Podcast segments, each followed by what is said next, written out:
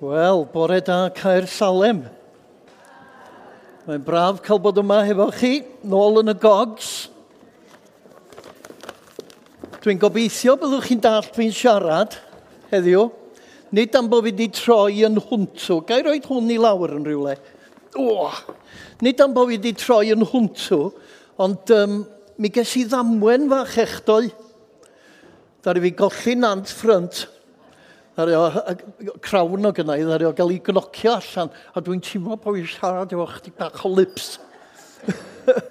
Felly, um, os newch chi, os newch chi fadde i mi am hynny, dwi yn mynd at y deintydd fori i gael ei sortio fo. Wel, dwi eisiau gwybod i, i ddechrau, faint ohonoch chi sydd wedi bod yn y gyfres yma, yn dilyn y gyfres ar Elias?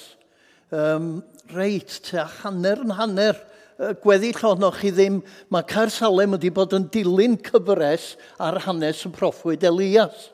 Ac uh, asau'n wych gallu mynd trwy'r hanes i gyd, ond uh, tas gynnon ni'n amser i wneud hynny. Dwi yn un da am brygethu'n hir, ond na, na, na i drio pidio gwneud. Ydyn ni wedi dod i uh, hanes bach ar ddiwedd um, penod 19, a na i ddarllen hwnnw i chi gynta o adnod 15 ymlaen.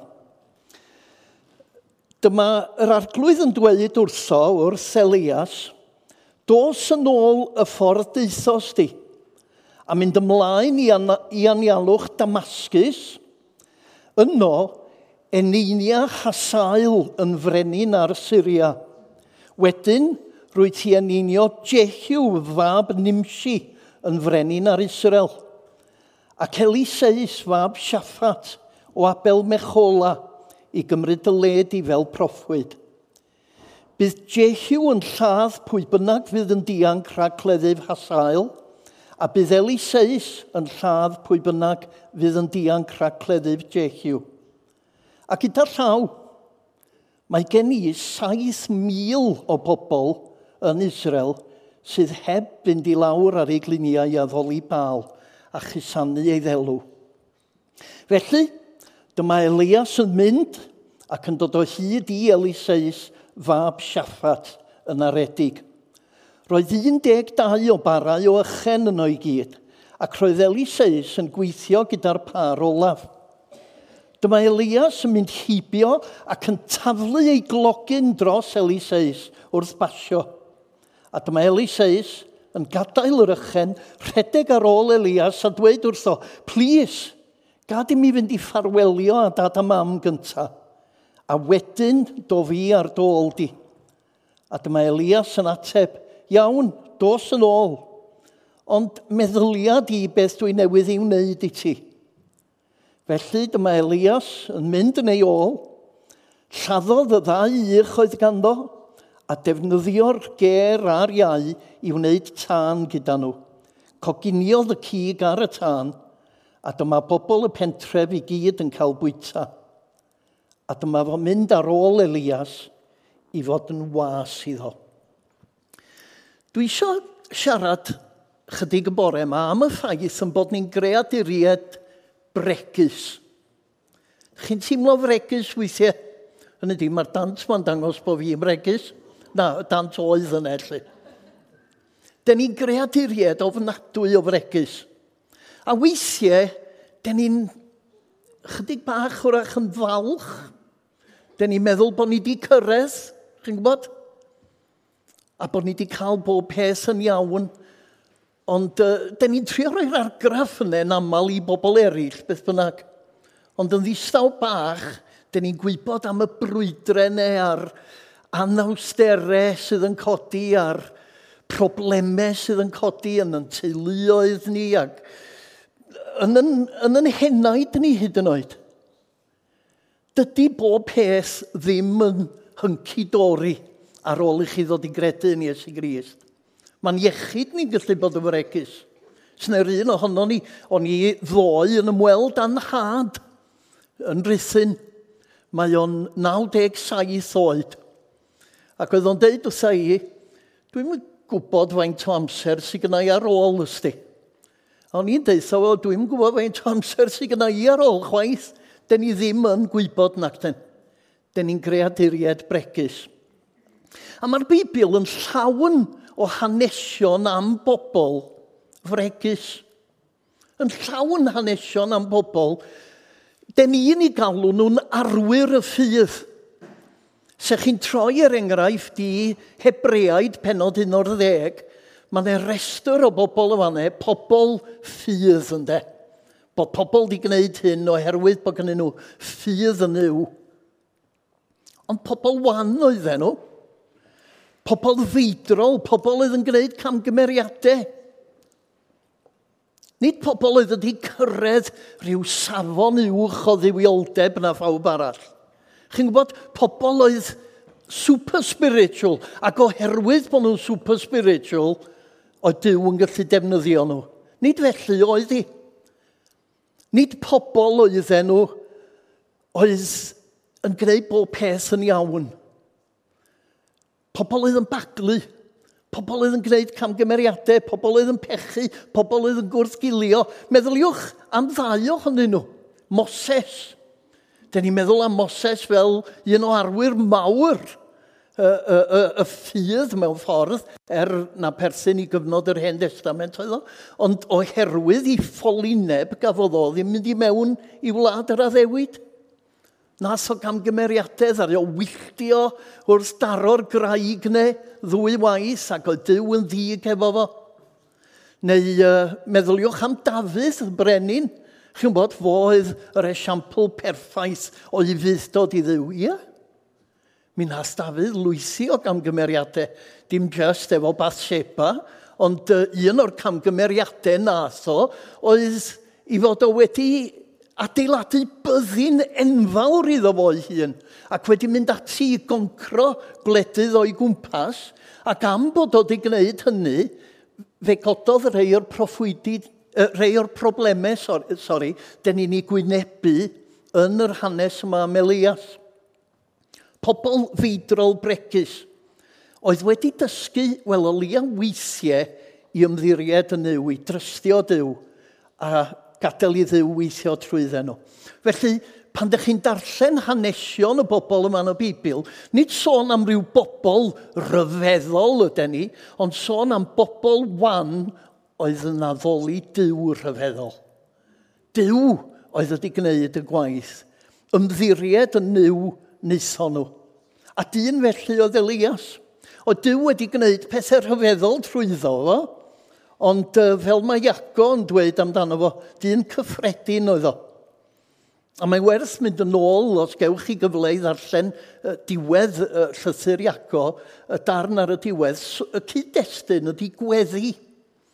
Chi'n gwybod, dwi'n deud yn aml, yn bod ni fel Cresnogion, dyn ni'n meddwl bod gweddi yn rhyw gyfrifoldeb dyn ni'n gorfod gwneud oherwydd bod ni'n dilyn Iesu Grist, mi ddylen ni fod yn bobl sydd yn gweddio. Ond nid rhyw ddefosiwn orfodol fel yna, mae Dyw isio, ond rhywbeth naturiol, perthynas naturiol efo Dyw o ddydd i ddydd bod ni'n gallu gweddiwch yn ddibaid, gweddiwch bob amser mae'r Beibl yn ei ddweud. A be mae hynny'n ei olygu ydy bod ni'n gallu siarad fod yw lle bynnag ydy ni. A, a, a ceisio i wynebo. A ceisio mateb wedyn i'w arweiniad o. Nawr, mi roedd Elias oedd yn un o'r proffwydi mwyaf yn yr Hen Testament. Rhyfeddol rhai o'r pethau oedd o wedi wneud. Yn ers diw, wrth gwrs. Fodd ar ymddangos efo Moses, os ydych chi'n cofio, um, ar fynydd y, y gweddnewidiad. Y gweddnewidiad. A mi roedd, mi roedd o'n sicr yn gadael i ddiw weithio trwyddo fo weithiau, ond mi roedd o hefyd yn ddyn bregus ofnadwy. Wnaeth lot o gamgymeriadau. A mae hanes Elias yn dangos gwendidau dyn i hun. Dwi'n cymryd y rhai ohonoch chi sydd wedi dilyn y gyfres yma, bod chi wedi cael eich atgoffa o rei o'r hanesion oedd yn arwen i fyny at lleden ni heddiw.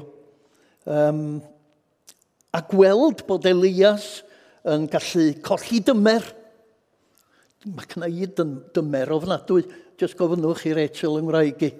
Reit, mae gynna i dymer. Elias oedd o'n ddyn oedd yn colli dymer. Neu yn gallu llithro i feddwl i fod o'n rwy'n pwysicach na goedd o.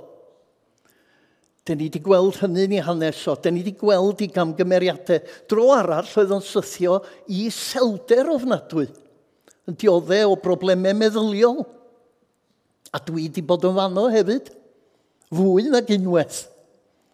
Felly, nid sôn am ddyn anhygoel ydyn ni, ond sôn am ddyn cyffredin – oedd yn addoli ac yn dilyn dyw anhygoel.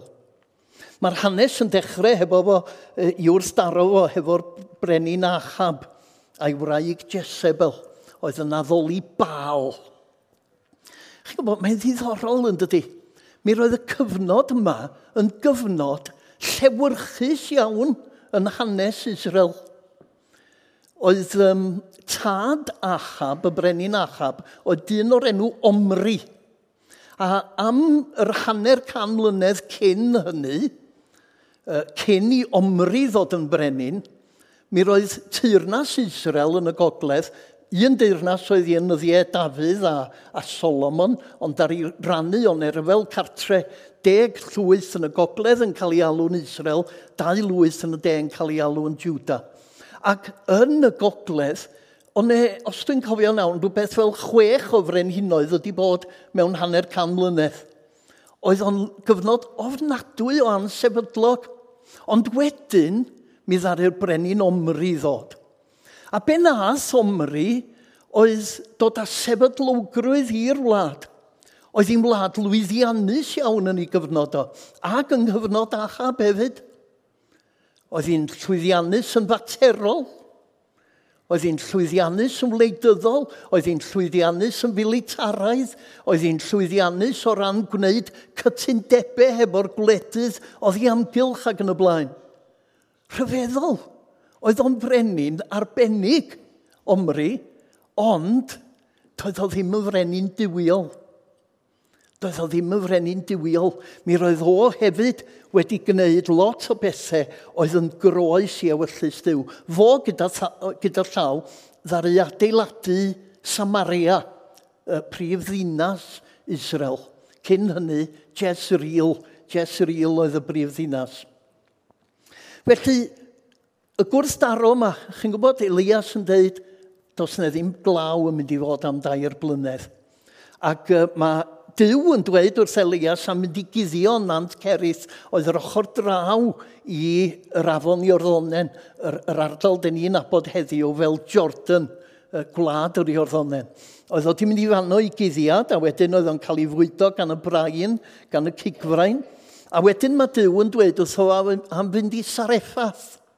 A mi roedd Sareffath yn yr ardal i'r gogledd o Israel, lle roedd Jezebel yn dod o. A ddolwyr bal oedd yn fanno. Reit? A mae Elias yn cael ei ddanfon i fanno i'r wraig weddw yma oedd yn addoli bal i fwydo fo i gynnal o. Mae'n anes rhyfeddol. Ac ar y diwedd, dyn ni'n cofio bod mab y wraig wedi marw ac mae, um, mae Elias yn codi'r mab yn fyw. A wedyn mae Dyw yn anfon Elias i ddweud wrth achab bod glaw yn dod eto. Dwi wrth modd hefo'r hanes yna, uh, lle mae um, lle mae'r brenin yn dweud, ti ydy'r un sy'n creu helyn ti Israel. Chi'n bod fel dydes i, oedd hi'n wlad sefydlog, lwyddiannus, ac oedd y proffwyd mae'n creu helynt, oedd o'n uh, yn, uh, yn cael ei weld fel rhywun oedd yn eisiau troi yr llywodraeth, eisiau dymchwel yr llywodraeth. Oedd o'n ofnadwy. Uh, beth bynnag, eithon ni mlaen wedyn ac eithon ni'r hanes am i wrandawes i ar, ar bregeth hana uh, am fynydd Carmel a'r gwrth daro uh, rhwng uh, Elias a Phroffwydi Bal. A mae'n ddiddorol, er mor rhyfeddol ydy'r hanes yna, yn faned ydych chi'n dechrau gweld gwendid Elias gweld i fod o'n bechadur. Darllenwch yr hanes ar ôl chi fynd adre. Mae o'n sôn lot fawr am fi. Yn fannau, mae'r tro cyntaf iddo fo ddeud rhywbeth oedd yn do'n gron gyno fo. Fi ydy'r unig un sydd ar ôl. Fi ydy'r unig un sydd ar ôl o broffwydi yr arglwydd. Ac um, mae ymateb o weithiau hefyd yn, yn gwneud i chi ofyn, oedd o'n adlewyrchu gymeriad i hun fwy na ewyllus dyw. Chi'n gwybod, pan mae o'n tynnu coes proffwyd i bal ac yn gwneud hwyl ar ei pennau nhw. O'n i siarad fo Rachel ar y ffordd i fyny yn y car ac oedd hi'n sôn am Rick Warren a bod ne draffaeth ydi bod America oherwydd bod Rick Warren bod ne rhyw ffilm ia, ohono fo yn ysgwyd llaw hefo muslim ia? ac yn, um, yn, yn cyfarch rhywun arall. Oedd ddim yn dderbyniol yng ngolwg uh, pobl aden dde America allan de. A wedyn mae'n ei gwestiynu wedyn, ydy Rick Warren yn gristion go iawn neu pidio? Chi'n gwybod? Ac um, mi ro'n i gweld rhywbeth o'r agwedd Americanaidd afiach ne, yn Elias, chi'n gwybod? Wrach bod eich diw chi'n cysgu. Neu wrach bod eich diw chi yn y lle chwech, neu rhywbeth gwneud, gwneud hwyl ar ei benno.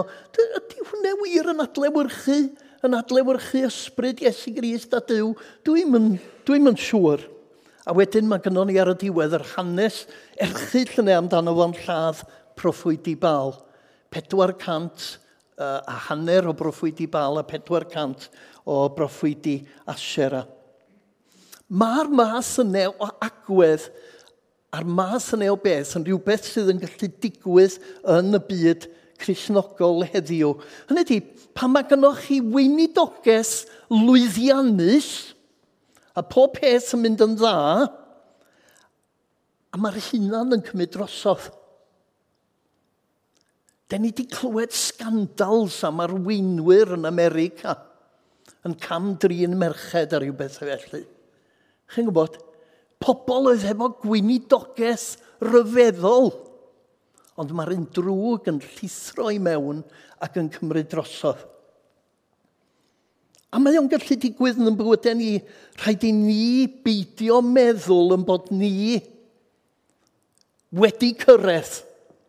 I've arrived, I've arrived, dyma fi oherwydd dyn ni gyd yn greaduried gwan, dyn ni'n gallu baglu, dyn ni'n gallu gwneud camgymeriadau.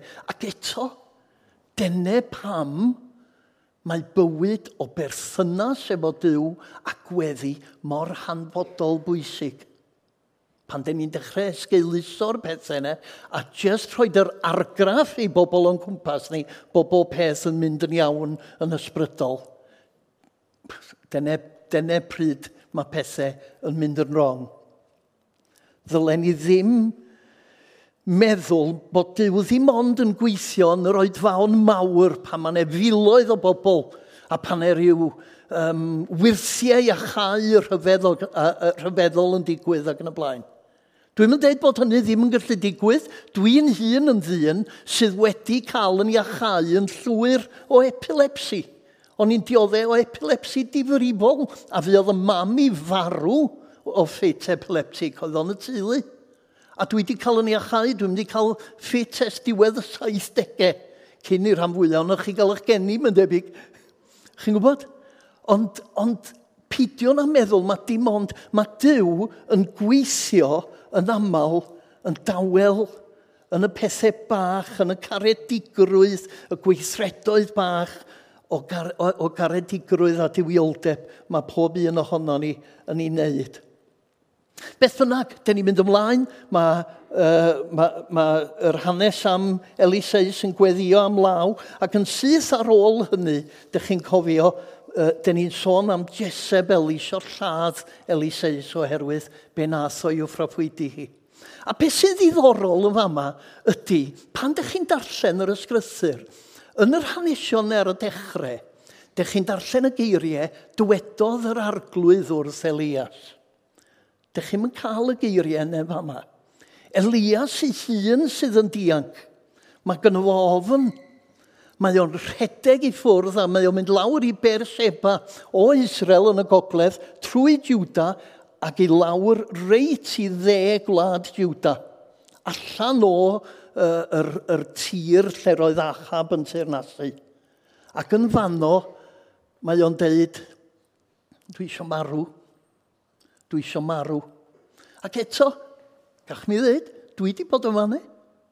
Pan ges i breakdown difrifol ar ôl bod yn gweithio am chwe blynedd heb hefo debrannu bynwyr, ac o'n i'n gweithio saith diwrnod yr wythnos, mewn chwe blynedd, mi gymes i bythefnos o wyliau. Ac o'n i wedi torri'n llwyr. O gynnau eisiau marw. A dwi'n cofio drifio'r car i fyny i'r um, i, mynyddoedd, uh, o, dario beth i enwen nhw i'r gogledd o, uh, o Gaerdydd, Hibio Merthyr ac, uh, ac ymlaen i, gyfer, i gyfeiriad Aberhonddu a meddwl fedra i ddrifio dros ochr y dibyn a lladd yn hun. Dyna lle oeddwn ni chi'n gwybod, beth sy'n wych ydy bod Dyw yn ddiw mawr. A mi ddefnyddio Dyw y pethau rhyfedda i'n stopio fi rhag gwneud hynny. A dwi'n mynd dweud, gach mi ddeud hyn hefyd, hyd yn oed ers hynny, mae yna gyfnodau pan dwi wedi bod yn teimlo, er bod fi'n cael mynd i bregesu a gwneud hyn a'r llall, a, a, a, a Dyw yn ddan yng nghynnal i wneud yng ngwaith, chi'n gwybod, mae yna adegau pan dwi wedi bod yn teimlo, dwi eisiau marw, dwi wedi cael digon, a'r glwyd dwi'n barod i ti'n Nghymru di. Ond mae Dyw yn ddiw trigarog. A mae o'n mynd wedyn Mae Dyw yn dweud wrtho fo bod neu daith hir o'i flaen o. A mae'n ddiddorol, mae pobl yn meddwl bod Dyw wedi ddanfon o'i lawr i fynydd Sinai.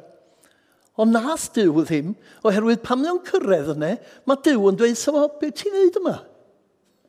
Be wyt ti'n neud yma? A mae yna rhywbeth yn dweud i bod Elias wedi mynd lawr i fynydd Sinai oherwydd bod o'n gobeithio wrach cyfarfod efo Dyw eto. Oherwydd ar fynydd Sinai oedd Dyw wedi cyfarfod efo Moses. Ac oedd Elias yn rhyw obeithio wrach y, y gallai fo gyfarfod efo Dyw, a ydych chi'n cofio'r hanes am yr, y, y gwynt stormus a'r, ar deiar gryn a'r tân ac yn y blaen, a doedd Dyw ddim yn y pethau ne. A wedyn, distawrwydd llethol. Dwi wrth y modd hefo um, rhyw uh, esboniwr sydd yn deud fel yma am y distawrwydd neu um, the silence of God's apparent absence. The silence of God's apparent absence. A dyn ni'n meddwl y bydde Elias wedi newid ar ôl